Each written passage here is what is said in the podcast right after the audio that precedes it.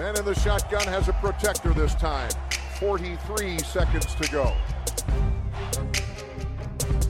He scrambles around, throws it back corner of the end zone.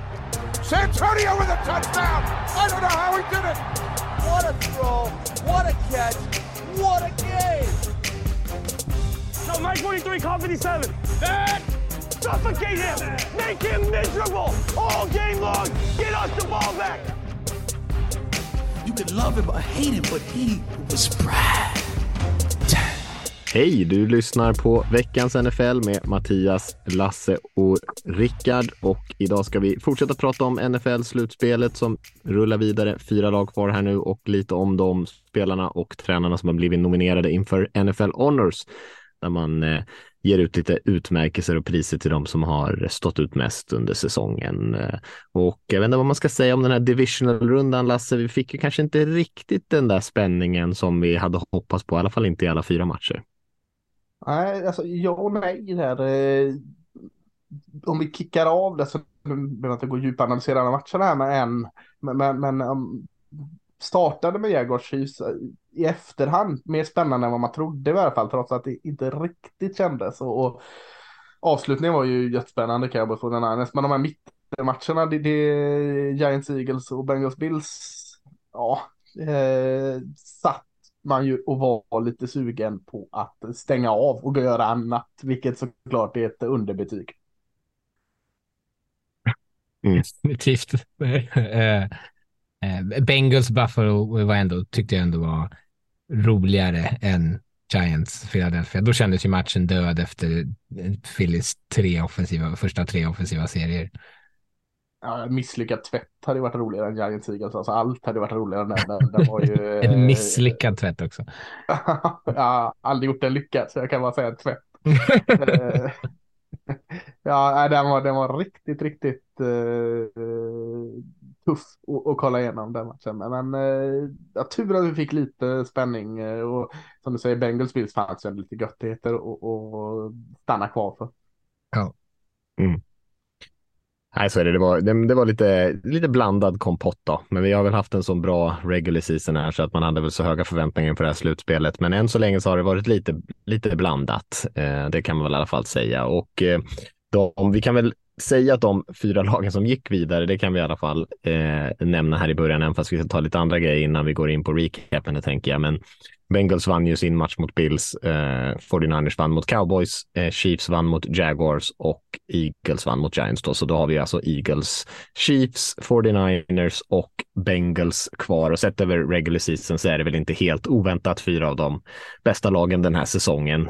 Eh, och ingen riktig skräll som har tagit sig in där bland de topp fyra. En överraskning tycker jag väl ändå att Bengals, alltså Bengals har varit jättebra, men med tanke på att allt liksom under hela säsongen och alla, inklusive oss, har väl sett Bill som en, en eh, kandidat till att vinna Super Bowl. Så, så eh, mer att Bills var så hypade än att Bengals på något sätt skulle vara, inte vara värda att vara där. Så tänker jag att det är väl om, om något då överraskningen. Verkligen, och jag lovade ju faktiskt på Twitter att jag skulle ge en formell ursäkt där till Bengals offensiva linje som jag snackade ner så mycket inför den här matchen, eller i alla fall lyfte som ett väldigt stort frågetecken, men de blev ju ett jättestort utropstecken snarare i den här divisional-rundan och storspelade ju mot Bills eh, där försvaret eh, hade stora problem att stoppa den där linjen av reserver på, på o-line.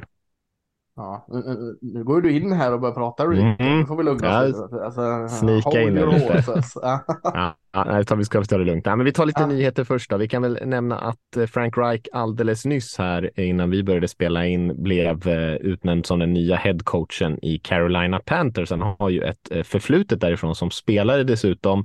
Eh, blir också den första offensiva coachen som Panthers har haft sedan de grundades. Eh, så lite ny riktning för dem, en rutinerad coach. Eh, jag vet inte vad man ska tycka om Jag tycker nog så spontant att det känns lite spännande ändå. Eh, ja, jag tycker verkligen det är spännande. Det känns också väldigt konstigt att kom de 95 att de inte haft en offensiv headcoach än. Verkligen. Eh, så då är det ju verkligen på tiden och, och eh, Rickard fick lite vad han önskade det med en, en eh, offensiv gnuggare istället för eh, Matt Rule och eh, Rivera och allt vad det hette som var där innan.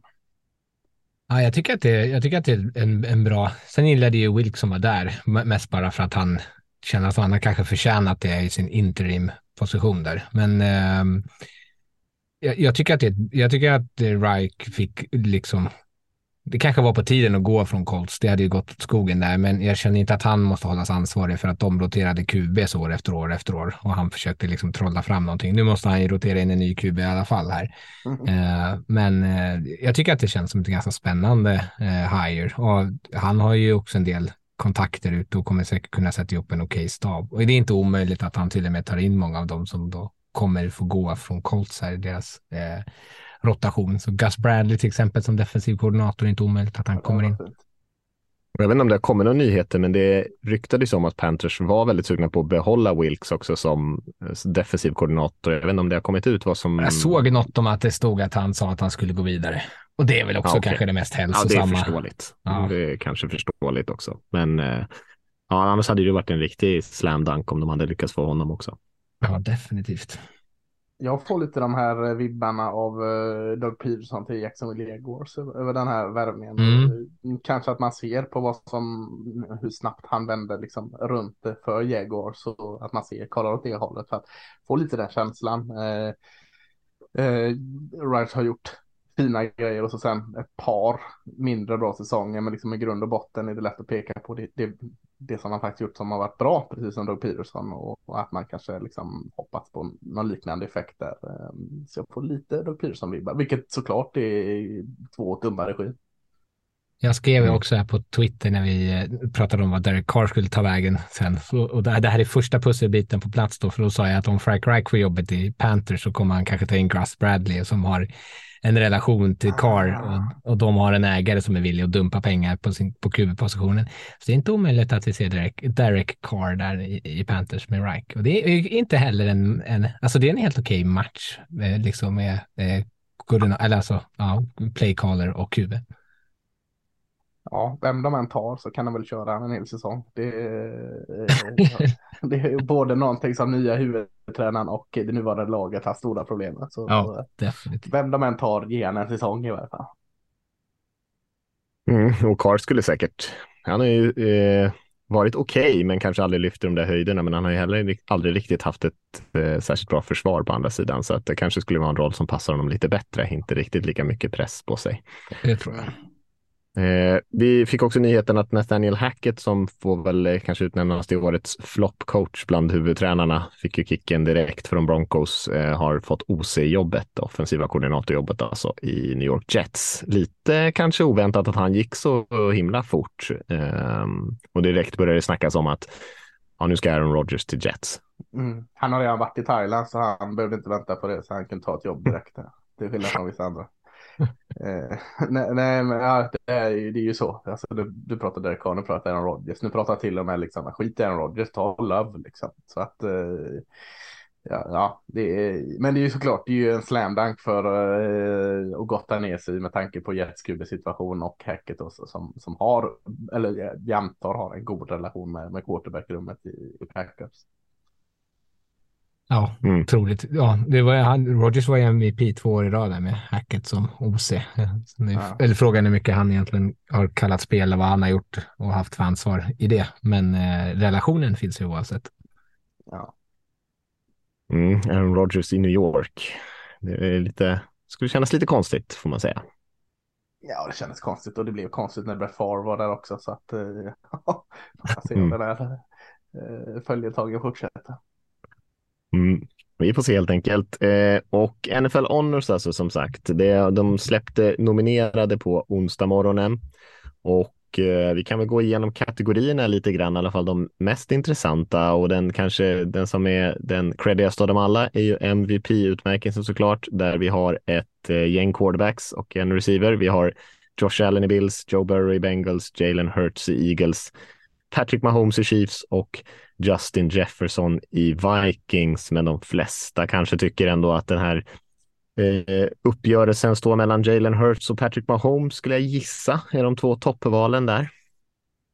Men det är väl, vi pratar väl grundserien här nu med de här, mm. så ska det väl vara. Då tycker mm. jag absolut att Josh Allen ska eh, blandas in i den här diskussionen också. Eh, ja, fasiken, alla, jag tycker det är bra val. Alltså, jag säger så. Jag tycker också, ska någon ej eh, quarterback vara med så känns det också väldigt, väldigt rätt att Jefferson är den som är, är med i det snacket. Så, eh, ja, jag tycker inte det, det är inte lätt, det är inte klockrent på något sätt att uh, sätta min favorit, men när man tvekar så faller man ju på det trygga kortet i Patrick Mahomes, så i alla fall gör jag det. Han har spelat jättebra i år och slagit ja. rekord för passyards bland annat. Jag tror att han vann sån här eh, eh, All Pro-röstningen så tror jag han fick 48 av 50 röster eller vad det är för något. Så ja. jag, jag, tror att det är ganska självskrivet att han kommer att få eh, MVP också. Ja, och det går faktiskt inte att ifrågasätta. Nej, det tycker jag inte.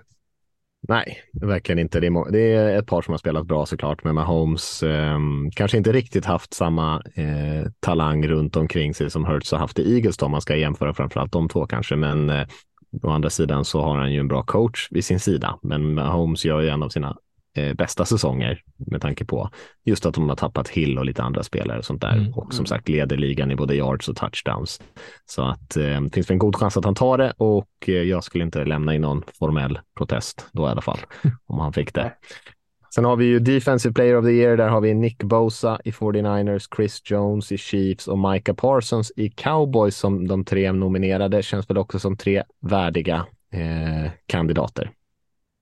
Ja, Michael ja. Parsons är ju väldigt unik i sin, sin eh, roll, men, men jag tycker jag vill liksom främja Chris Jones här. Alltså, eh, Nick Bosa är såklart suverän och kanske den, den eh, mest värda på det, men, men Chris Jones, det han gör vecka ut och vecka in för sin position, det, det är eh, jag tycker det är mest unikt av de här, eh, även att eh, Parsons har mest unik roll, så tycker jag Chris Jones presterar på en sån oerhört hög nivå från den eh, positionen alltid. Så att eh, jag hade nog lagt mig på honom där, trots att jag kan köpa att Nick Bosa nog är favorit. Jag tycker Bosa och Jones båda är förtjänta att kunna få den. Jag håller med om Jones. Tar man ut honom ur det där Chiefs-försvaret så är de ju eh, rent av dåliga. Eh, och med honom där så är de ganska bra. Eh, och Bosa, 49ers är bra, även om han inte är där, men han står ju också för, jag tror att, ja, vi kommer ju det till matcherna sen, men han är, har ju 18,5 sax. eh, och jag tror att tvåan i laget har fem.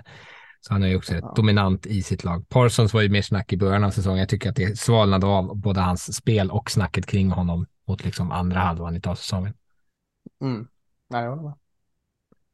Det är rimligt. Jag är ju ett stort Chris Jones-fan. Han har väl haft lite otur, Chris Jones, att han har spelat i en era liksom, där det har funnits Watts och eh, Aaron Donalds och sånt där som också spelat hyfsat centralt på linjen. Men han har ju varit väldigt konsekvent bra länge och han har väl också mm. sån där 15 sacks eller någonting från defensive tackle-positionen i år. Ja. Så att, eh, också en makalös säsong såklart. Men eh, Bosa håller nog många som favorit där. Bosa Jones håller jag med om är ändå topp två-valen där. Eh, och offensive player of the year, det, ibland har vi ju samma namn här som på MVP Eh, där det brukar mycket offensiva spelare. Har vi Tyreek Hill också har eh, dykt in och annars är det Hurts och Jefferson och Mahomes som är där också. Eh, och jag kan ju tycka att det skulle vara kul om det kom på någon som inte var en QB eh, och, att det, och Hill och Jefferson tycker jag båda är fullvärdiga alternativ här som jag tycker är hyfsat jämna ändå. Ja, det är de absolut. Hade Christian McCaffrey spelat hela säsongen på 49ers och spelat som han gjorde så skulle han vara med i den här divisionen tycker jag. Men, men han, om vi tar bort alltså, eh, något annat än wide receiver QB. Men, men eh, ja, jag tycker det är eh, svårt att välja mellan Hill och Jefferson. Men, men eh, ja, Hill kommer in i en ny situation i ett nytt lag och man själv tänker lite varför bytte han något var så bra och så gör han Tua så mycket bättre och, och Dolphins offensiv så mycket bättre. Så att eh, det går absolut att argumentera för honom. Och Jefferson är ju såklart, har vi pratat om hela året, hur fin han är. Ja, framförallt så är det kul om det är inte en QB som vinner tycker jag lite som ja. MVP är ju alltid en QB. Det är ju sällan det är någonting annat så är det ju trist om det blir en till QB. Det blir bara näst, näst bästa QB blir ju priset istället och det är trist. Ja. Josh Jacobs mm, borde ha varit dominerad där förresten också, bara en parentes. Ja, faktiskt. ja. Ja, det hade väl inte varit helt orimligt att kanske plocka bort Kubus från det här eh, priset egentligen om man ska ha, om det nu ska fortsätta ja. vara ett eh, MVP ska vara ett QB-pris så är det ju lite onödigt att ha med de här kan man ju tycka egentligen. Offensive Men... skill player skulle man lika gärna kunna nämna ja. och ha det. Ja. Hade kanske varit roligare, hade man fått upp lite fler namn också. Mm. Vadå så Olan har inte en chans i världen att få ett alltså, Taskigt. älskar o-line. Men- Du, du kommer ju aldrig vinna en o-line som vinner offensive player of the year. Då är det ju bättre som på college där man har någon sorts så här o-line eh, award typ. Ja, det borde man faktiskt ha, kan jag tycka. Men ja, det är inte riktigt O-lines grej heller att kolla på och kliva upp på scen Nej. där i någon kostym Nej. och vinna priser. Det, det är inte, det är inte on-brand. Nej. Nej, eh, nej, men jag skulle mycket väl kunna tänka mig att luta, luta åt Hill i den där faktiskt. Det, han, eh, hade de inte tappat Tua där så många matcher så hade han nog säkert statistiskt sett kunnat eh, vara ganska dominant i den där kategorin där. Men eh, han spelar ju, han, han gjorde ju sitt även utan deras eh, startande QB, men eh, det var inte, blev ju inte samma siffror såklart. Om vi går på rookie-spelarna då, så offensiva så har vi eh, Brock Purdy, 49ers QB där, som eh, såklart är en väldigt bra story. Han har ju spelat fantastiskt under de förutsättningarna han har hamnat i, men spelade inte så många matcher av grundsäsongen. Sen har vi Kenneth Walker, Seahawks running back och sen Garrett Wilson då, succé-receiven i, i Jets där som är nominerade på den. Ja, det är ju galet att eh, Brock Purdy är med här. Alltså, vad gjorde han i grundserien? Fem matcher? Eh, Mm, ja, startar kanske inte sex, men han spelade i sex i alla fall. Ja, okej. Och, och eh, ja, ma- någon gång får man sluta säga att ja, alla kan vara bra i det systemet. Men, men, men eh, liksom, in- ingen rök utan eld. Och det är ju inte brist på andra duktiga offensiva spelare. Alltså Chris Olave till exempel. några- Så att, ja, jag, jag tycker det är lite populistiskt att ta med Brook Purdy här. Och då ska inte någon skugga falla på honom. Så, men, eh, jag ser gärna Wilson, uh, wide receiver i, i Jets, ta detta. Ja, jag håller med. Purdy är en kul grej, framförallt en kul story nu. Och Mm. det är liksom, han, han överträffar såklart alla förväntningar. Ja. Men eh, han är liksom inte en topp-QB på det sättet som, jag, som Wilson typ redan är en topp-receiver. Så eh, jag skulle hellre ge en, och, och Kenneth Walker också, Mattias. För att backa dig Tack. lite, är, är också, skulle jag också kunna tänka mig kan vinna den här. Eh, och det- finns gott, vi pratade om det när vi pratade om årets rookie-klass någon gång där mitt i säsongen, och slängde ihop någon rookie-lag, att det finns ganska gott om offensiva skills på spelare i, i den här Mm. rookie-klassen. Nej, jag håller med. Jag håller med. Tycker att det är klart, räknar man in slutspelet så hade Purdy kanske haft en chans, men det ska man ju faktiskt inte göra i de här priserna, utan det är ju regular season-priser och då kanske det är lite för få matcher för att liksom eh, motivera det. Kan jag, tycka. jag tror han har en ganska god chans att vinna ändå här, Purdy, men eh, sen om det är rätt eller inte, det är kanske en annan grej där. Även Walker har ju missat lite tid. Wilson har ju varit eh, lite mer stabil, så jag sk- skulle inte protestera om han vann den. Och på defensiva sidan så har vi Sauce Gardner, eh, Jets succé corner, Aiden Hutchinson, Lions pass rusher som har gjort en väldigt fin säsong, högt draftade såklart, och sen Tariq Woolen då, Seahawks cornerback. Eh, så det är de tre som är nominerade där. Dubbelt Jets med rookies, säger jag. Ja. Ja, där måste man ju lyfta. Gardner är ju med också. Om jag går tillbaka till det här All Pro-laget så har han ju den enda rookien som är där. Eh, Ja. I alla fall i första laget. Så jag, jag, han förtjänar och eh, Bo kommer vinna det här priset. Ja. Håller med. Eh, och sen är det ju lite andra här. Jag tänker att vi kan ta framför allt kanske coach of the year är ju lite intressant också. Där har vi eh, Brian Dable i Giants, Sean McDermott i Bills, Doug Peterson i Jaguars, Shanahan i 49ers och Nick Sirianni i Eagles som är nominerad. Och eh, tycker väl egentligen att det är eh, många värdiga vinnare där. Lite svårt tycker jag. beror på lite hur man ska se den. Och jag, jag har inte lätt på det finstyrda kring de här. Alltså med Dable och eh, Doug Peterson. Vad de har gjort så snabbt med, med så lite. Eh, går ju liksom inte att förringa. Och samtidigt så har eh, vad heter han, clownen i Eagles, och, och, eh, och Shanahan gjort fantastiskt bra med kanske lite mer. Så, så, så eh, jag vet inte hur liksom man ska värdesätta den. Eh, fyra eh, namn som, som ska vara med i nomineringen tycker jag, så där har man hittat rätt. Kanske också ja, att eh, Vikings eh, nya coach ska in här och få vara med och leka Mac någonting, en av alla nya.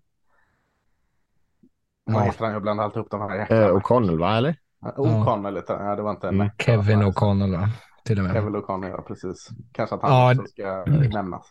Det var det jag reagerade på. Att han, om man pratar om grundsäsongen så tycker jag absolut att, de, att han är värdig att vara här. Jag tycker att Zach Taylor kanske ska vara på den här listan också före Sean McDermott. Ja. Jag tycker att Bills kanske snarare, även om de varit bra, snarare under säsongen kanske varit lite, lite underpresterande.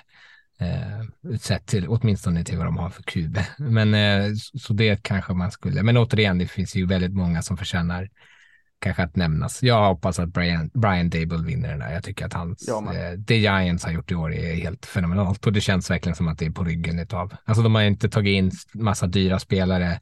De har snarare liksom inte gett bollen till sin bäst betalda wide receiver. Han inte Nej, det är de plockat bort de dyra spelarna. Här. Ja, men precis. Och de har blivit ja. bättre. Det är liksom en, mm. en helt eh, enorm eh, förän, förvän, alltså, vändning av Giants. Och det känns som att den enda faktorn är Dable och hans stab. Mm. Mm, ja, mina två favoriter är nog Peterson och Shanahan där ändå. Jag håller med om Dable, men, eh, men det är väl framför allt de tre. Men eh, jag skulle nog ta Shanahan i den där ändå, tycker jag, med tanke på vad de ändå har gjort med sin tredje QB. Även fast de har en talangfull trupp också. Eh, men det kan ändå vända en lite svajig, halv, halvsvajig start på säsongen i alla fall. Ja, eh, det säger jag inte emot såklart. Men om vi ska nämna något mer, comeback player of the year är alltid snackis. Saquon Barkley, Christian McCaffrey, Gino Smith var nominerade där. Eh, finns ju fler såklart. Det beror lite på. Den här är ju lite svårare hur man ska bedöma. Vad, vad är liksom en comeback? Eh, mm. Ja, mm. ja, den är svår. Den är ganska ja. svår. McCaffrey vet jag inte om det är en comeback riktigt. Eh, Han var väl skadad va, i fjol, det var väl därför. Gino Smith en comeback då? Liksom, är det, Nej, han, ja, han har i alla fall inte spelat innan, så det är ju i alla fall, får man ju säga, en comeback. Ja, av de här tre skulle jag ge den till Gino Smith. Sen vet jag inte om det finns andra som skulle kunna vara eh, intressanta val, men mm. ja. Ja, I Walter Payton Award, kan vi inte prata om det också? Analysera välgörenheterna där de är till. Just det. Enormt mycket tid på det. Att såga någons välgörenhet och lyfta någon annan. Det tycker jag, det tycker jag är värdig, värdigt liksom content för den här podden. Just det. Just det, soppkök versus liksom eh, fotbollscamp. Ja, nej, men du vet, eh, så, vad heter den? Eh, den sjukdomen har fått för mycket eh, liksom eh, funding det sista. Så jag tycker, jag tycker det rent av är dåligt att de ger mer till det. Just det. Just det. Äh. Nej, den skippar vi. Det känns som att det är många fallgropar i den diskussionen. Uh. Men eh, jag tänker vi sätter stopp där. Det är lite andra priser som delas ut också. Assistant coach of the year och sånt där. Eh, men det tänker jag att det går vi inte in på just nu i alla fall. Nej. Och så hoppar vi till eh, vad som hände i divisional-rundan. Och eh, går väl igenom de matcherna lite. Det var ju bara fyra stycken, så vi hinner nog gå igenom dem en och en tycker jag. Och jag vet inte vilken var först av de här matcherna. Det glömmer man så snabbt bort. Jaguars, Chiefs. Jaguars Chiefs, ja, den blev lite oväntat jämn där. Mahomes eh, skadade sig tid, ganska tidigt i matchen och det eh, kanske gjorde den jämnare. Eh, även fast just att Chad Henney kom in och ledde en 98 yards touchdown drive direkt från sin egen två yards linje, även fast han inte eh, stod för majoriteten av yardsen. Men det var ju ändå det som kanske blev avgörande i matchen och ryckte ifrån där. Ja, det kändes. Ja, det kändes som att det skulle kunna vara liksom vändningen när Mahomes inte kunde spela och, och de börjar en serie från sin egen. Att det, då kanske för, man så här, försvaret forcerar fram en safety och sen driver för en touchdown och så hade liksom det känts som att luften hade gått ur Arrowhead, men att de lyckas vända den och ändå, eller vända, men att de lyckas ta den situationen och ändå leda för en så lång touchdown kändes ju snarare som ett slag i magen för Jacksonville som säkert Även om man inte firar skador förstås, men säkert såg att möjligheten att vinna matchen blev betydligt större med Mahomes på sidlinjen. Eh, och det, det, måste verkligen ha svidit tror jag. Eh, jag, jag är ändå eh, en sucker eh, för så här momentum. Jag tror ändå att det har en, en stor inverkan i matcher, även fast jag förstår att många människor inte tycker det. Eh, men det kändes som att eh, Jägers hade haft chansen där och, och tyvärr blev snarare tvärtom. Ja, alltså slutresultatet blev ju jämnt, men det kändes inte riktigt som att det var där på matchen. Där. Det var, var mer liksom, eh, kan det bli, komma till en vändning om, om Mahomes haltar runt lite mer? Var, var väl frågan som ställdes mer än att man såg den komma. Mm. Eh, trots att det bara var en skål som skilde stack ut för mig var ju att eh, eh, Jaguars helt glömde av eller hur man försvarar mot en av ligans bästa tyrants. Alltså, Ja. eh, det känns som ett fuskspel i, Madden när, när eh, Mahomes eller Henry bara la bollen på Travis Kelce och så blev det first down. Det, det kändes som så här, fan vad tråkigt, det kör du alltid i det spelet liksom. Eh, lite som att springa i Madden, det är jättetråkigt att göra det, men, det, det, det ger ju resultat. Lite så var det och, och för Chiefs och, och passar ganska korta, alltså 9 och 15 yards passningar till Travis Kelce hela tiden.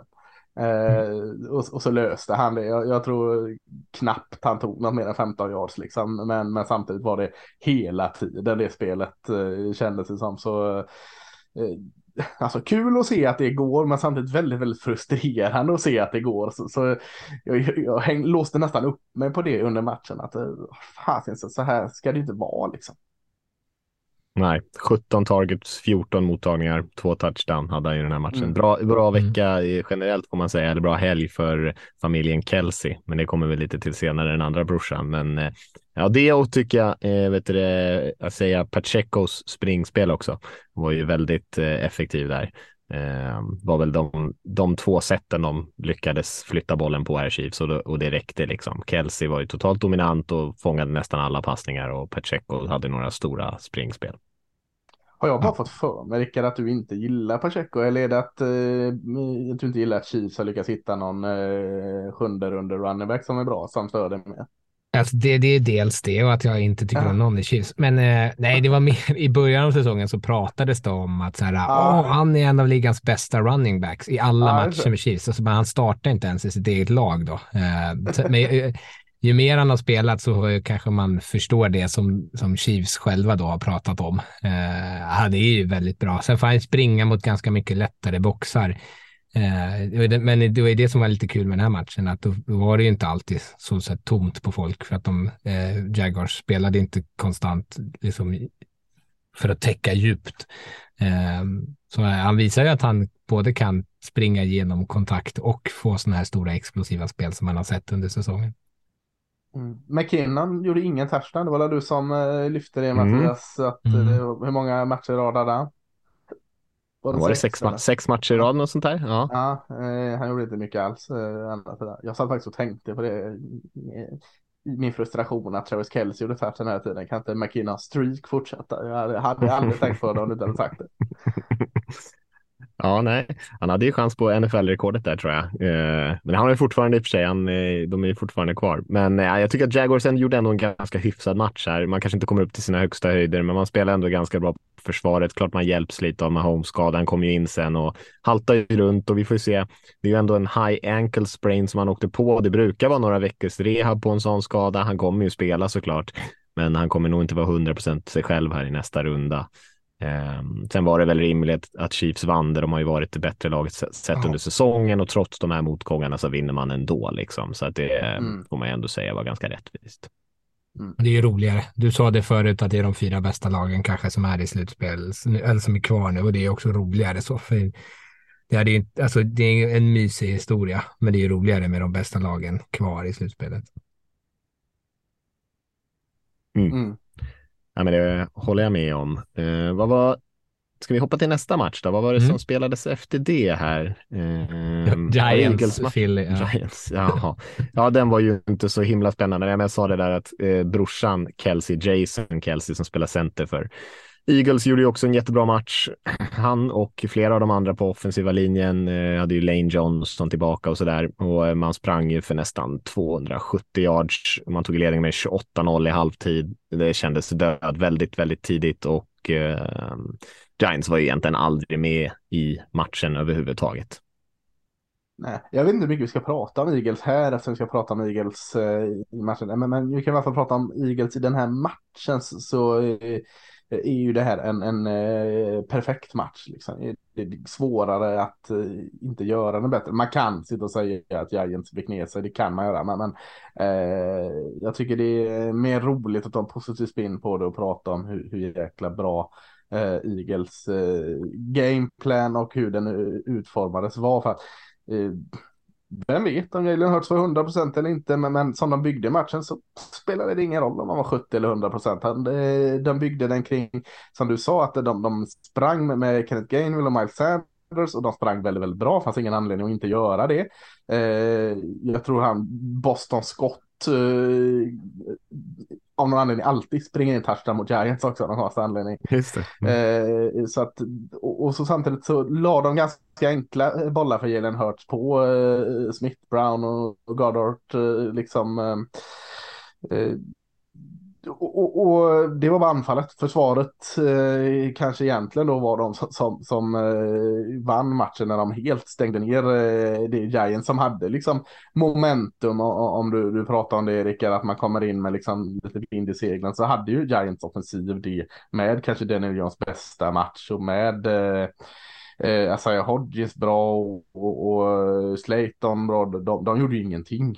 Eh, alltså ingenting. Eh, Daniel Jones kunde inte göra så mycket för att Eagles försvar hade sån jäkla koll på, eh, på Giants. Så det är lätt att peka på yard som de sprang Eagles med, men försvaret gör en, en eh, helsikes match här. Eh, och liksom både nyckelspelare och de rotationsspelarna gör exakt vad man förväntar sig av dem. Så att, bra nära perfekt match för Eagles. Ja, om man, mm. om man liksom ska försöka vända och prata Giants då, eh, så är det liksom den, det som vi sa var nyckeln för att man skulle kunna vinna var om den defensiva linjen kunde ta över matchen och hade ju verkligen inget, mm. gjorde ju ingenting. Eh, och, och, eller gjorde väl lite nytta, men de syndes inte i alla fall. Eh, och Hurts fick stå där hur länge som helst egentligen och kasta passningar. Eh, när han väl kastade och sprang som sagt mest bollen. Men att det som var man trodde skulle kunna vara Giants recept för att vinna föll ju i alla fall på försvaret och anfallet fanns det liksom ingen rytm. Det fanns inget som funkade. Det kändes som att Jones hela tiden antingen var stressad eller inte fattade vad det var han såg och vad försvaret höll på med. Eh, och sen så var det en sån match som inte passar Giants att det glider iväg och de ska försöka spela, spela i fatten ledning. Det är de ju inte byggda för. De är ju byggda för att, att sitta jämnt och hålla långa serier eh, offensivt. Och här funkar liksom ingenting för dem. Och det var tydligt att Philly var starkare på båda sidor om bollen och framför allt på linjerna. Mm. Man vet att det är en svag försvarsinsats när Jalen Smith leder antal tacklingar för, för laget. Det, det var alltid ett dåligt tecken i Cowboys och bevisligen här också i Giants. Eh, då, då har det blivit total haveri på defensiva linjen och eh, de har hunnit ner i planen en del om Jalen Smith ska göra det. Så ja, eh, Giants eh, ska absolut, de ska inte må bra av hur de åkte ut här, men de ska må väldigt bra av sig så att de kom hit och åkte ut så här sent. Eh, så, så, man får borsta av den här matchen ganska snabbt och så här vara jäkligt nöjda med säsongen man gjorde. Absolut. Ja, så är det. Och det var ju, det, det är ju Eagles styrka som vinner liksom. De är starka på linjerna och de är totalt dominanta här. Man får en snabb ledning och som du säger Rickard, det passar inte riktigt Giants spel. Man lyckas sätta en spy på Jones och han blir inte så mycket av en faktor med sina ben och ja, det rinner ifrån helt enkelt och, och Eagles var ju eh, totalt överlägsna. Mm. Och om vi går till första matchen på söndagen sen då så är, var det väl kanske den andra matchen som inte var särskilt jämn och det var Bengals Bills, kanske lite mer oväntat. Bengals vann ju enkelt 27-10. Pratade om offensiva linjen i Bengals där som var väldigt effektiv. Man lyckades springa bollen väldigt bra. Var överlägsna i first down, fick en väldigt bra start på matchen. Man gjorde poäng på fem av sina sex första drives och satte ganska mycket press på, på Bills att kunna svara och det kunde de ju inte göra. Man fick ganska bra press från Bengals och Bills svagheter den här säsongen får man väl ändå säga dyker upp här. Man har inte haft någon dominant pass rusher direkt och eh, lyckades inte störa jättemycket på den i den delen av spelet och man har ju heller inte riktigt något existerande springspel och det är ju totalt osynligt här också. Även fast man hamnar efter så skulle man ju vilja att man ändå kunde flytta bollen lite grann på marken utan Allen och det lyckas man ju inte göra. Stor frustration från Stefan Diggs också som var väldigt osynlig i den här matchen. Han hade ändå tio targets, men det var inte särskilt lyckat. Det var bara fyra mottagningar på dem och knappt några yards. Um, så att en riktigt svag uh, insats från Bills får man säga och väldigt imponerande från Cincinnati. Ja, från Cincinnatis offensiva linje, det, det, det, måste man ju ta upp igen. Alltså left tacken Jackson Carman, eh, jag kommer ihåg han i, i college i Clemson, han, han var direkt dålig redan i college. Oh. Jag fattar inte vad han gjorde i NFL, hade NFL att göra.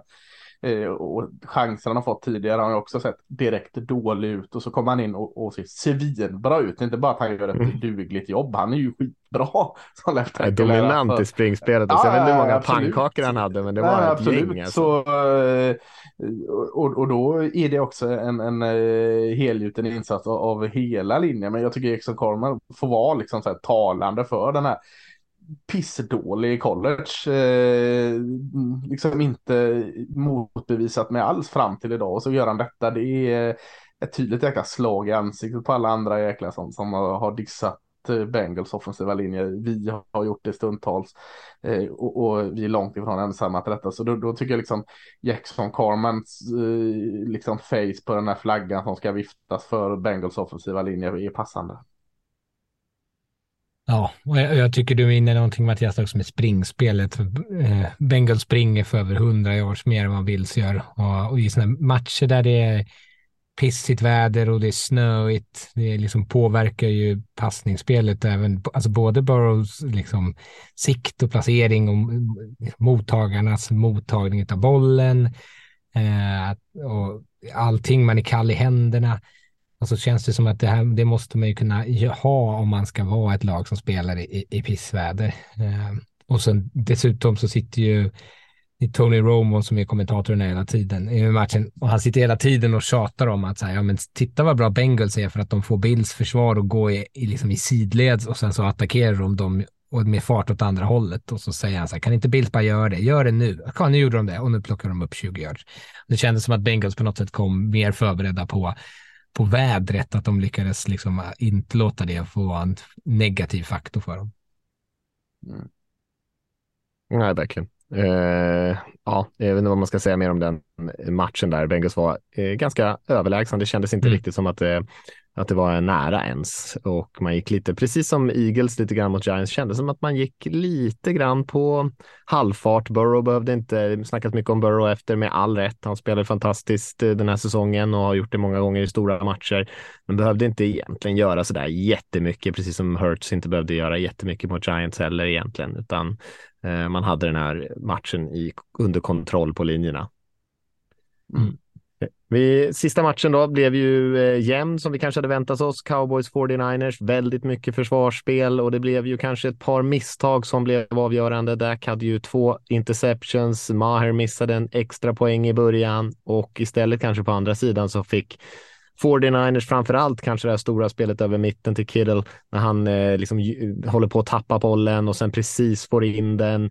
Kanske en liten dålig vinkel på försvararen som liksom eh, låter honom ändå ta in den. Eh, och de få spelen blir avgörande i en match som är så här jämn. Cowboys får ju heller kanske inte igång något springspel riktigt. Man tappar Pollard också. Eh, och det blir liksom, allt ser väldigt jobbigt ut och det gjorde det i och för sig stundtals även för 49ers anfall såg det väldigt jobbigt ut många gånger. Det var ju väldigt bra försvarsspel från båda lagen i den här matchen. Men eh, man gjorde inte de där misstagen som Dallas tyvärr gjorde.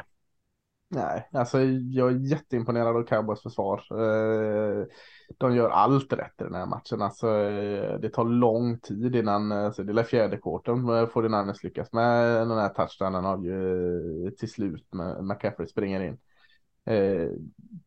spelar mer eller mindre en perfekt match tycker jag. Leighton Vanderesh från att ha varit skitdålig 2021 så har han gjort en skitbra säsong i år. bara talande och Eh, vi sa att eh, Mika Parson har kanske lugnat ner sig lite i slutet. Han, han hade en eld i sig liksom den här matchen man såg. Det är kanske inte de här magiska statistiska eh, stat, liksom statistiken som backade, men man såg att det brann i honom. Och, och eh, alltså det är jättetråkigt att sitta och säga här att liksom, det står och faller på de här två interceptionen som Dak Prescott gör. Eh, kanske lite för lätt att säga att det är just de två interceptionen som det faller på, utan det är nog hans spel i stort den här matchen. Han kommer inte upp till den nivån han ska göra med eller utan de här interceptionerna. Man, man, kan nog lätt säga att i alla fall en interception var det en väldigt dålig route sprungen av eh, Michael Gallup, receiven. Eh, Gallup hade ingen bra match. Nej, verkligen inte. Och, och, sen kan man alltid, det är alltid svårt att veta exakt vad felet är och lasta på den. Men, men om, om, även om vi tar bort hans interception så så häng, det är ju det det handlar om att det faller lite på att när springspelet inte funkar då måste ju Dak Prescott steppa upp och, och, göra det liksom han, han är betald för att göra och det gör han inte den här matchen. då, eh, då vinner man inte även om försvaret spelar så bra. Då är, då är 49ers ett för bra lag. Eh, alltså McCaffrey blev håll, eh, gjorde inga, liksom inga avtramp alls i den matchen. Man höll honom. Debo Samuel gjorde ingenting heller. Det var, det var George Kittle som, som man hade lite besvärligt med. Men, eh, ja, alltså när det kommer omkring så, så är det Dak Prescott som inte lyfter dem till nästa nivå, eh, Dallas Cowboys. Eh, han, han är stundtals en väldigt bra QB, men, men eh, han måste kunna spela jämnare eh, än att vara bra eh, två av tre matcher eller varannan match. Eh, för att han ska ta nästa kliv. Eh, eller Shanahan och, och, och eh, 49ers är för bra för att bara ha en, en att ena enheten funkar. Det säger också om någonting hur jämnt det är de här slutspelsmatcherna. Mattias, du pratade om det ena spelet och det är när uh, Kiddle-mottagningen mitt över plan där Lasse också när han håller på, när den liksom studsar i händerna på mm. honom som en hal tvål, liksom han ändå fångar in den sen. Det är väl också nästan stort, alltså en viktigt uh, tredje tror jag. Uh, så det känns som att så här, att saker och ting gick eh, 49ers väg och inte Cowboys väg. Och det blev liksom till slut det som var avgörande. Och såklart, eh, interceptions är ju två av de misstagen som då går åt 49ers håll istället för cowboys. Eh, men jag, jag, tycker ändå, jag håller med om att Dak Prescott eh, inte spelat bra, men de saknar också Pollard där när han gick ut skadad. Mm. Eh, Mm. Även i passningsspelet tänker ja, jag, för Gallup gör en så svag match och eh, Pollard är borta ut som ett passalternativ och det blir väldigt eh, det blir inte så många alternativ där för anfallet att flytta bollen. Nej, det blir ju bara lägga på CD Lamb och Dalton Schultz och det är mm. 49ers tillräckligt bra för att kunna liksom, eh, justera och anpassa. Och, eh, alltså, jag sur för att vi åker ut här, men, men eh, jag tycker jag är inte sur på sättet vi åker ur den här matchen var det två lag som var ungefär lika bra. Det, det hade lika väl kunnat vara Cowboys som gick vidare. Så, eh, nu säger jag inte att när jag säger att 49ers hade marginalerna med sig så säger inte jag att de hade turen med sig utan de hade de små, små grejerna satte de lite bättre än vad Cowboys gjorde och det räckte för att vinna. Men, men eh, ja, för mig var det här eh, alltså berömmen ska åt båda håll och eventuellt kritiken då i offensiven. Ja, han kunde verkligen ha gått åt vilket håll som helst. Mm. Eh, någon måste ju vinna. Eh, det ja. blev ju lite snack om det här sista spelet till eh, som man testade med det här lärarrörspelet med SIK. Jag vet inte om det är så... så... Det var SIKs sista spel i Cowboys. det, är, det är fantastiskt i så fall. Ja, det var väl kanske lite av, ja, det var ju inte särskilt stor chans att det hade hänt så mycket där. Jag tycker man kan diskutera om de skulle ha spelat på fjärde down istället för att punta tillbaka den till 49ers i slutet. Jag tycker personligen det. Kanske inte hade gjort så himla mycket skillnad ändå. Det var långt till endzone, men eh, mm, jag tyckte även fast man hade fått tillbaka bollen där och lyckats stoppa dem snabbt och tagit alla sina timeouts så hade det ändå varit ont om tid. Så jag tyckte nog att det kanske hade varit värt en chansning där bara för att kunna få göra chansen att få göra liksom en ordentlig drive eh, med sina timeouts ner i plan där. Men ja, det är klart man riskerar ju att döda matchen direkt där på ett spel, men man må, ja, enligt mig så måste man våga spela för att vinna där. Eh, det var en tuff drive ändå, men ja, jag, jag tycker ja, nog man borde ha spelat det tycker jag absolut ska vara en större snackis. Alltså inte bara att de inte gick på fjärde utan att nu har vi bollen, nu har vi ändå tid på klocka för att göra drive. Nu går de skitsnabbt tre och ut. Det är liksom mm. så oerhört liksom, talande då för att när offensiven inte klickar. Att, nej, nu stressar vi på det lite för mycket här och så pantar vi på, på fjärde. Så att när den, den sista driven var det ju mer så, som de förlorar på än den här sista spelet när Sik ställde upp som center. Ja, visst. Ja. Ja, nej, så är det. Nej, eh, eh jämn match, två bra lag. Eh, 49ers knep den i slutändan. Eh, och då kanske vi ska hoppa till conference-matcherna helt enkelt, där det är eh, den tidiga söndagsmatchen och klockan nio är det 49ers Eagles och sen har vi då eh, vid halv ett Bengals Chiefs. Jag tycker det känns som två väldigt roliga jämna matcher. Som sagt, vi kanske har en fem, sex lag som är tydliga topplag den här säsongen tycker jag och det här är ju fyra av dem definitivt, kanske till och med de fyra bästa sett över hela säsongen. Ehm, så jag tycker det känns som två väldigt jämna, roliga matcher är min spontana reaktion i alla fall. Mm, jag håller med. Eh, får, får börja prata om eh, NFC-matchen eftersom den är tidiga. Eh, Eagles 49ers och, och eh, pratades ju en del innan eh, eh, 49ers skulle möta Cowboys. Att, ja, men visst, Brook Purdy har varit bra, eh, offensiven har varit bra, men man har inte ställt mot de här riktigt tuffa försvaren än. Eh, och det syntes ju när 49ers ställde mot ett riktigt tufft försvar att visst, George Kittle eh, gjorde vad han skulle. Brock Purdy gjorde ju det på något sätt bort sig och de hade marginalerna med sig. Men det var inte samma 49ers offensiv som vi, vi har blivit bortskämda med. Och, och om Cowboys försvar är bra så, så möter man ju inte ett sämre försvar här i eh, Eagles som är väl överlägset leder antal sex. Eh, om vi pratar om att Bosa har flest sex överlägset i, i, eh, i eh, 49ers så är Hassan Reddick också där uppe och i ungefär eh, liknande hisnande sexsiffror och då har du ju de här som vi pratade förra alltså Josh Sweat, vi har uh, Hargrave, vi har uh, Graham, vi har Fletcher Cox, vi roterar in Sue om vi vill eh, Linval Josef och det är bara defensiva linjen vi pratar om här. Så att, eh, och det som kanske är nästa dimension mer om, om vi nu liksom ska fokusera på Brook Purdy mot eh, ett eh, elitförsvar. Det är då vad vad de backar upp med i form av sitt secondary med Darius Slay, eh, Gardner Johnson och Bradbury. Alltså om pressen kommer och den kommer komma från, från Eagles var då kanske inte Brock Purdy har så väldigt enkelt för sig och kanske chanskasta in. Alltså, nu har han inte chansat så jäkla mycket, men när han rullar ut och fick liksom scrambla till sig ett läge och kasta för det kommer ju vara ännu svårare för honom. Så att det är ju alltså. Ja, han har varit gjort jättebra Brock Purdy, men eh, det ska bli jätteintressant att se hur han möter det här monstret i försvar som ändå Eagles just nu har.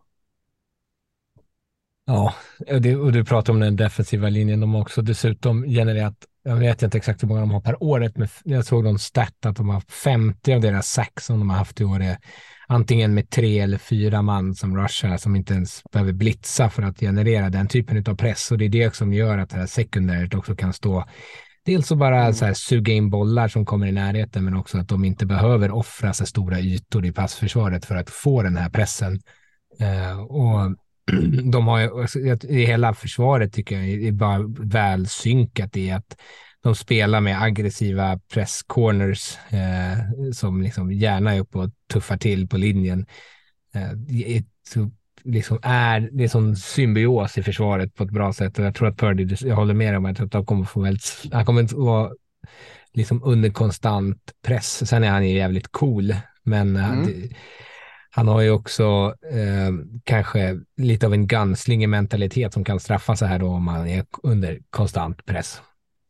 Ja, för det kan ju lätt bli eh, exakt sam, samma situation som det blev för Deck och Dallas. Den, den, det mm. scenariot ser ju jag för Brook Purdy och 49ers den här matchen. Eh, att eh, det kan bli eh, den här picken kan komma och så eh, vips så kommer nästa och då, då eh, utnyttjar alltså Eagles, jag har inte pratat om Eagles offensiven här men eh, det finns inte mycket som säger att de inte skulle kunna utnyttja det på ett bra sätt heller för de backar ju upp sitt försvar med ett väldigt bra offensiv också. Så, så att, men, men jag tänker liksom sista här med att vi pratar om antal sex och sånt och, och, det är ju en cool och fräck stat, det tycker jag också. Men, men eh, nu vet jag inte, nu mäter man inte QB Harry eh, på samma sätt, eller det ligger i alla fall inte lika fräckt när man kollar lite snabbt på statistiken, men just eh, att de eh, med eh, sina blitzan, eh, starkt blitzande i, i, i mängder, hur många eh, hurries de kommer få på Brock Purdy, det är minst lika intressant i den här matchen tycker jag. Mm. Mm, jag tycker utmaningen blir om man ska vända på det blir för eh, Nick, eh, I know what the fuck I'm doing, Siriani och hans anfall där att försöka få igång något springspel mot det här. De har ju ett dominant springspel som vi såg i senaste matchen, men eh, man möter ju också kanske, eller ja, i år är det väl ligans bästa springförsvar i 49ers. Så det blir ju en mm. utmaning för Eagles också att eh, om man eh, saktas ner där så, så är man ju kanske inte riktigt lika starka. Man bygger ju ganska mycket på att ha den här ganska bra balansen som kanske övervikt mot springspelet och då har man ju bra receivers som kan utnyttja det. Man gick ju lite på halvfart här senast och A.J. Brown var ju knappt med i, i den senaste matchen mot Giants för det behövdes inte riktigt. Um, och eh, det ser jag som en stor utmaning för dem då att fortfarande liksom komma ut där och de har ju ja, en av ligans absolut bästa offensiva linjer, om, om inte den bästa. Att också komma ut och verkligen eh, visa att även ett sånt här tufft försvar kan man fortfarande putta runt och flytta bollen på marken? För det tror jag blir viktigt för Eagles. Och frågan är om vi får se kanske lite mer från Jalen Hurts mitt i plan, att han inte bara springer in touchdowns utan också kanske skapar ännu mer med sina ben i den här matchen. Just för att det blir kanske lite eh, tuffare att hitta de här ordinarie luckorna för deras running backs. Eh, så som springspelet såg ut senast och vad man haft med sig nu med Kenneth Gainwell som, som Eh, hittade helt rätt senast. Så Miles Sanders, Kenneth Gainwell och Jalen Hurts. Eh, så är det, är det något, eh, springspel som ska liksom skapa en spricka i den här defensiva linjen så känns det som att det kanske är Eagles, men, men, men samtidigt då gör de inte det, står då NFLs bästa eh, springförsvar pall mot det här, då kommer en helt annan press på Jalen Hurts eh, som han kanske inte har behövt stå under allt för ofta där att han måste eh, liksom mer eller mindre stanna i fickan eller runt omkring fickan och lägga bollar på eh, visserligen bra receivers också i Devonte Smith, Edger Brown och, och Goddard Turner. Men eh, det ska bli spännande att se hur då han löser det mot, mot eh, 49 försvar som är bra rätt över tänker jag.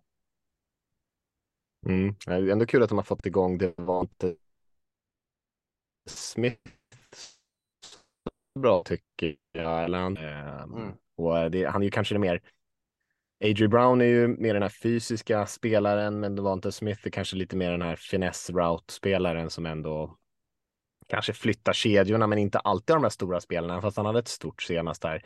Eh, så det känns som att man har bra alternativ, men som du säger, man är inte så van att behöva luta för mycket på sitt passanfall, utan man brukar ofta kunna springa bollen rätt hyfsat, så det skulle ju vara en stor, stor eh, fjäder i hatten för 49ers om man lyckas sakta ner dem och hålla dem runt, liksom, jag tror bara runt 100 yards någonstans skulle vara liksom en stor framgång tror jag.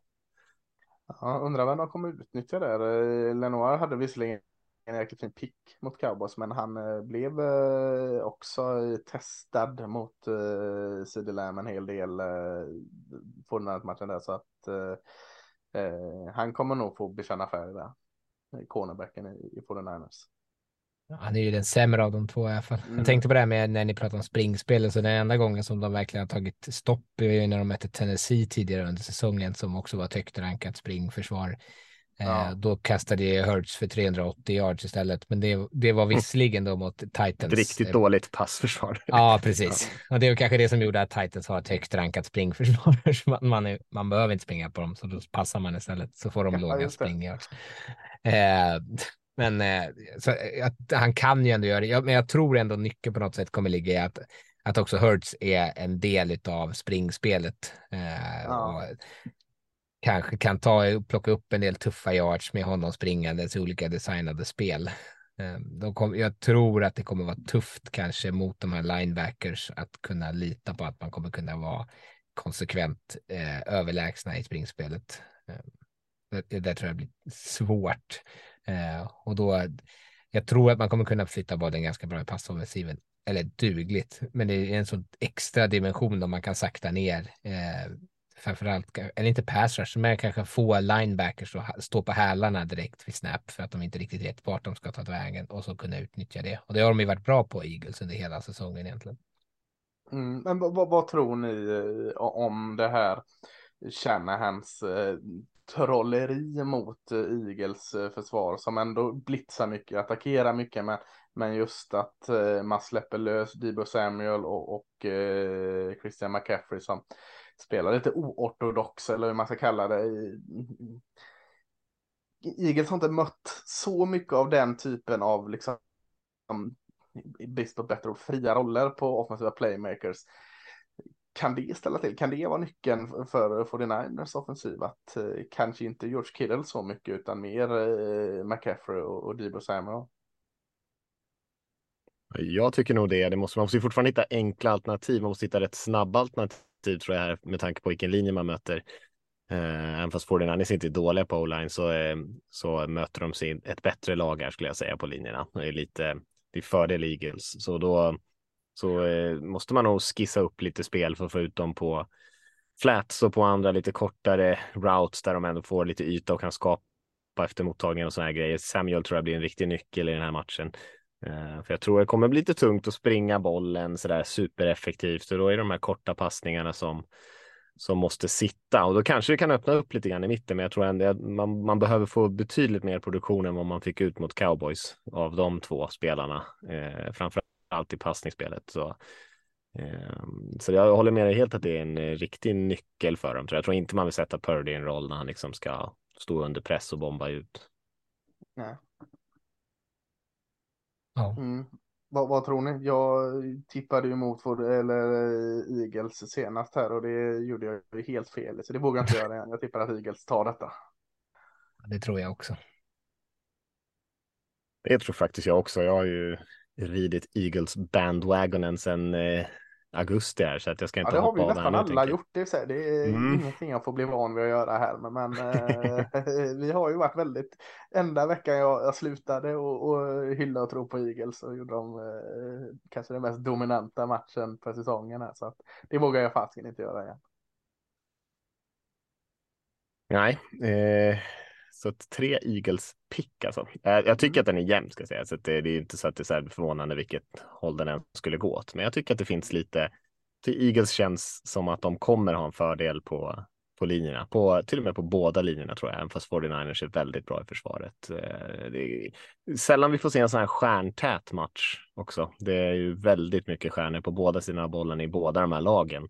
Eh, väldigt, väldigt mycket bra spelare Eh, så att det ska bli oerhört kul att se. Fred Warner kan man ju lyfta linebacken i 49 som mm. gjorde en mm. jättebra match senast här eh, mot cowboys och hade ju något klipp där när han sprang ner i coverage nästan liksom 30 yards neråt plan ja. eh, och hanterade det liksom eh, hur fint som helst. Så att de har ju extremt mycket även på 49ers försvars, både försvar och anfall. Mycket riktiga, riktigt bra spelare. Så att det ska bli oerhört kul att se. Jag tror att Eagles är eh, det mer fysiska laget, att de därför tar det. Men eh, jämnt och eh, kul match.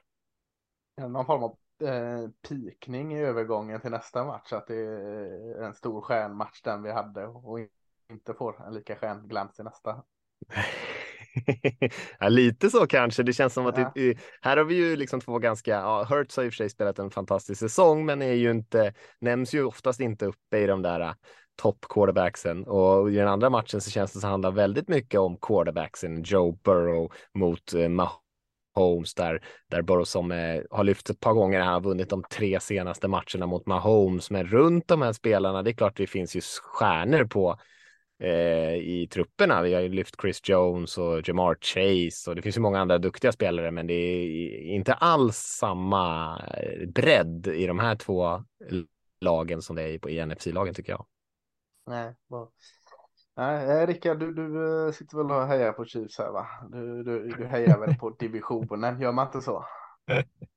Nej, eller jag, jag gör inte så i alla fall. Nej. Och framförallt inte på Chiefs nu när de varit bra så här många år. Så då tänker jag fan inte göra det. Jag hade kunnat tröstheja på Chargers kanske. Men äh, inte, nej. Ja. Nej, men, men om det ska falla din väg, vad är det som talar för, för Cincinnati Bengals i den här matchen? Då? Det är att de spelar på Burrowhead Stadium som de kallar det då, eftersom att Burrow har vunnit där tre gånger. Eh, Just det. Eh, helt rätt. Eh, nej, men det alltså mycket ligger ju såklart i Burrows händer, men om man inte ska liksom ta den enkla eh, liksom vägen ut och säga att det handlar om att han ska spela fantastiskt så är ju det här försvaret har ju spelat helt fantastiskt med defensiva koordinatorn Lou Anarumo har ju verkligen gjort ett jättebra jobb i att få ett försvar som egentligen är liksom ett det låter ju hårt kanske, men lite dussinspelare att kunna vara en så bra enhet och det gjorde han redan förra året. Um, jag tror att eh, jag tror att man kommer kunna få någorlunda press med sin linje, så där som man gör utan att man behöver kasta så mycket försvarare dit. Och sen så handlar det bara om att man inte tillåter framförallt Kelsey att vinna matchen. Eh, jag, jag, tycker att Chiefs, som det var senast och som det har varit lite kanske, att de blir kanske för lite endimensionella att, eh, kring eh, Kelsey när de eh, att det blir som han som blir lösningen i många tuffa situationer. Eh, så där tror jag att man behöver liksom på något sätt eh, ha en defensiv gameplan, att man kommer plocka bort honom helt och hållet. Och det känns som att Anarumo har ett försvar som är väldigt flexibelt beroende på vem man möter. Mm. Jag tycker du säger det så lätt och ledigt, Anarumo. Jag blandar alltid upp det med något sliskelikör när jag ska försöka säga hans namn som heter något liknande. Jag, har det nerskrivet för säkerhets skull. Ja, det har det. Ja, det är fint. Det låg så ledigt och lätt i din mun. Vä väldigt imponerande. Kunde nästan inte snappa upp något annat du sa. Jag satt och bara väntade nästa gång du skulle säga Anna Rooney. Snart snubblar han och då jävlar ska jag säga Ja, då ska jag vara där och hugga. ja, nej, men, men, men eh, jag, jag, tycker du, alltså, det är inte fult att säga att han har gjort ett par dussin spelare bra. För egentligen är det, eller i varje fall innan de har funkat så bra som de har gjort i Bengals. Alltså, Trey Hendrickson var, var ju inget aktat namn innan liksom, och han, han har ju verkligen fått ut eh, alltså 100 procent av honom. Och, och Mattias, du har lyft J. Reader innan med all rätt, men, men det var ju ingen sån där affischnamn det heller. Eh, kan man säga att Sam Hubbard inte heller och alla de har ju presterat på en jättehög nivå. Eh, alltså kollar man försvaret så är det inte de här innan de här, det här året och förra året så, så är det Jesse Bates möjligtvis som var, var mm. väldigt eh, liksom eh, stor, liksom det stora namnet där. Men man kan också, Von Bell spelat jättefint, men inte heller att det var ett stort namn. Så att eh, jag, jag tycker det är, det är inte fult att säga att innan de kommer och, och, och gör, har gjort sig ett namn som de har gjort i Bengals så var det dussinspelare.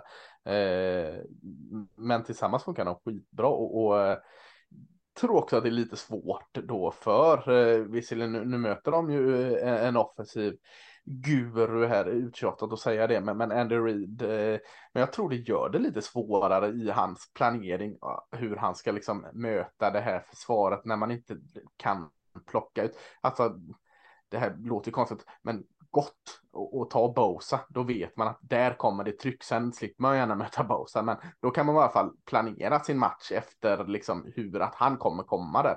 Här, ja, eh, det är inte helt jäkla lätt att måla upp en offensiv eh, plan mot då inom situationstecken en gäng dussinspelare. Nej. Nej, visst är det ju. Och eh, fick lite se lite grann från Mike Hilton också senast deras eh, DB som de gillar att blitza. Har inte liksom mm. kommit, kommit fram alla gånger, men eh, har ju en hel del sax tidigare i karriären och, och lyckas ju ofta få någon smäll på kuben sådär, trots att han inte når hela vägen fram. Eh, och det är också lite sån där grej som Ja, det är inte alla lag som har liksom en blitz-specialist på DB-positionen heller, så det är verkligen lite en underlig eh, grupp spelare att de kan leverera på så hög nivå. Och Roma är många som lyft också att han kanske förtjänar att få någon headcoach intervju eller på för att han eh, gör ett så bra jobb med dem där. Jag, tycker den känns intressant och eh, på som ni säger, de har ju vunnit många matcher mot Chiefs så de har ju någon typ av eh, plan mot dem. Men jag tänker att man borde vara lite förberedd på den här Kelsey-grejen. Det var ju väldigt mycket samma spel om och om igen där, att Kelsey mm. gick in i blocken och sen så pilade han av och så kom han på den här passningen. Mm. Och att liksom man, man borde ändå se, det är ju svårt att stoppa en spelare som Kelsey, han är ja, kanske den bästa, en av, de, en av de bästa i alla fall på en väldigt kort lista av passfångande tight i NFL-historien. Eh, men som det, kommer, det är svårt att stänga ner honom helt, men man borde ändå vara beredd på det spelet lite grann så att han inte får samma sorts luckor i alla fall där bakom. Och sen är ju Mahomes hälsa också en faktor i det här ändå. Ja. För att eh, i tajta slutspelsmatcher så har vi ju sett han plocka fram den där extra växeln där han springer kanske för ett par stora spel eller springer in och kastar sig in för en touchdown och sånt där. Och, och um, det är väl osannolikt att han kan göra det i den här matchen. Vi får se hur han mår. Han har ju, har ju kommit ut lite träningsklipp där han ändå skuttar omkring lite hyfsat, men det är inte riktigt samma sak som att vara i en match. Och får han en smäll så så kan det ju eh, börja göra ganska mycket ont. Han kom ju in i förra matchen när de spelade och sen så fick han ju en liten smäll, en tackling bara och efter det så haltade han ju betydligt mer än vad han gjort innan. Så att det, det är nog ganska känsligt där. Jag tror inte de vill ta några risker och då blir det ju lite mindre marginal för man är ju vanligtvis inte något sådär dominant springanfall. Ehm, så att ja, jag tycker det känns eh, för mig lutar det lite åt Bengals just på grund av historiken och sen också för att man har skadad med Holmes och ändå på något sätt kommer in med ett otroligt självförtroende med Burrow och hans kompisar i anfallet. Om, Ja, om, klippen, eh, jag vill se han köra dem med en dagstidning i händerna. Jag tror det här är från förra året. Jag, jag tror de fejkar det. Han ska ha en eh, aktuell dagstidning i händerna när han kastar bollen för att jag ska köpa det.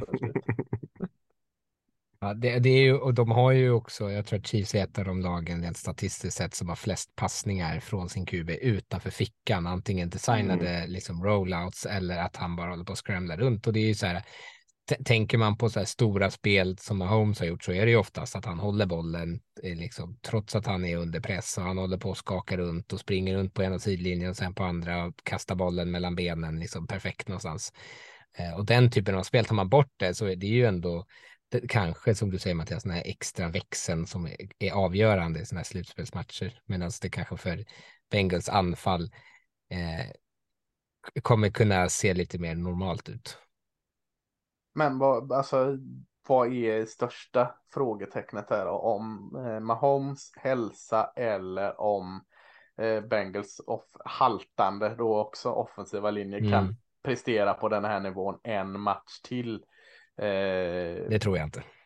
för jag menar Bills jättebra lag, men, men som du var inne på Mattias, de har inte riktigt eh, glänst med sin pass rusher. Här har vi då Chris Jones som vi har pratat om. Jag tycker Derek Nari gjorde en fin match senast också på andra insidan där och sen Frank Clark gjorde också en bra match och Eftis, rookie, kan blixtra till.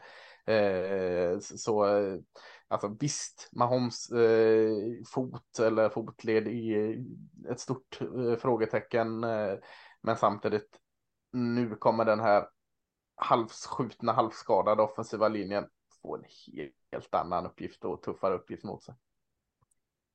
Ja, Mm. och, och Ett av de det- mest förvånande liksom, sakerna jag läste här inför matchen var att eh, Frank Clark har ju tydligen typ 11 eller 12 sacks i slutspelet bara i sin karriär. Han har haft en ganska hyfsat anonym karriär får man väl ändå säga. Han har liksom varit bra men inte varit bland toppspelarna. Ehm, och eh, har ju faktiskt spelat ganska bra den här säsongen också. Eh, så att, eh, jag tror att det kan vara lite av ett problem för dem borta mot Carmen där är det, är det kanske. inräknat när han var i Sioux också då? Eller vad? Mm. Ja, Ja. exakt. Ja, så. Han har ju spelat många slutspelsmatcher. Man får säga Ja, att han har, har tajmat in ganska bra lag. Så att hans Ja. lag har ju spelat eh, ganska mycket. Han har ju spelat, varit med i många matcher. Men Ja. eh, ändå producerat i de matcherna då. Så att han är ju ändå en faktor tycker jag. Eh, som är, och Chris Jones tar ju mycket uppmärksamhet i mitten. Så att han får ju lite bättre lägen. Ja, ja, precis. Ja, jag, jag tänkte säga, det handlar liksom också om, det, jag tjatar ju alltid om det när vi pratar om eh, eh, Chiefs och Steve Spagnuolo och deras defensiva koordinator, att han tycker om att skicka så här spexiga blitzpaket. Och han får hålla sig kanske lite lugn den här matchen och lita på att de kan komma fram då, framför allt att Chris Jones kommer kunna förstöra totalt eh, mot den här skadade linjen. Därför att Burrow, så som han spelar just nu, han är, det känns som att han är liksom ett par steg före alla andra. Det är så, han är så otroligt cool och lugn och känns som att han tar, vet vad han ska med bollen hela tiden i alla situationer och, och rör sig så där liksom delikat nästan i, i fickan bara för att ge sig själv läge och lägga bort bollen. Eh, och så har de ju, som man alltid pratar om med Bengals, en uppsjö av offensiva vapen eh, som alla egentligen kan liksom, sätts de en mot en så kan de vinna den och, och liksom skapa jättestora spel från liksom, om de eh, blit, om Beng, eller Bengals, om Chiefs blitzar liksom alldeles för mycket. Det är ju så, han har ju alltid varit bra mot blitzen Burrow. Han Mm. är ju eh, en eh, ja, väldigt smart QB på det sättet. Det kommer ju lite sådär Peyton Manning-liknelse efter den här senaste Ja. matchen, hur han liksom hanterar de där grejerna, hur mycket han ser innan snap, hur väl han liksom eh, ser vad försvaret försöker göra och, och hamnar sällan. Och Lasse lyfte ju för några veckor sedan här att han eh, det alltid ser så himla kontrollerat och enkelt och nästan lite tråkbra ut från Burrow för att han gör liksom alltid rätt grejer och det är ju säkert ofta mycket för att han han eh, har rätt bra koll på vad försvaret försöker göra. Han har liksom sett det förr, han har suttit mycket med eh, matchfilmen och liksom har lätt för att snappa upp de där grejerna. Och eh, det kan nog vara väldigt bra i en sån här match då mot en aggressiv DC. Både jag och Rickard drömmer ju om en tråkig bra QB så att det är ju absolut Ja. inte ont menat med det. Inte bara en Mm. tråkig, utan en tråkbra. Ja, precis. Ja, det är spännande. Det känns väldigt intressant. Man vill ju inte gärna tippa emot Chiefs och Mahomes så himla ofta. Man har ju fått eh, eh, so sota för det tidigare. Men, eh, men jag, jag lutar ändå åt Bengals i den här matchen. Jag vet inte vad ni, vad ni lutar. Jag satte ju Bengals som, som uh, Super Bowl-finalist i uh, NFL-guiden faktiskt. Oh, snyggt. Uh, tänkte skulle sticka ut hakan och göra det. Trots att han var där året innan så tänkte jag att det är ändå en kaxig timning. Så jag får ju stå fast vid det. Så jag, jag, jag, jag tippar Bengals.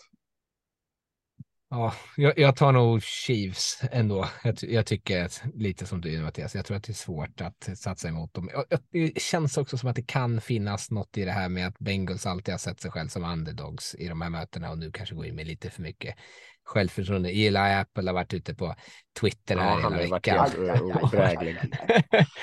Så det, jag kan tänka mig att Chiefs sitter där och liksom tänker att nu ska vi fan sätta dit honom och hela NFLs vägnar eh, och så kommer de kunna bränna honom på en 4-5 touchdowns eller någonting och så vinner de matchen.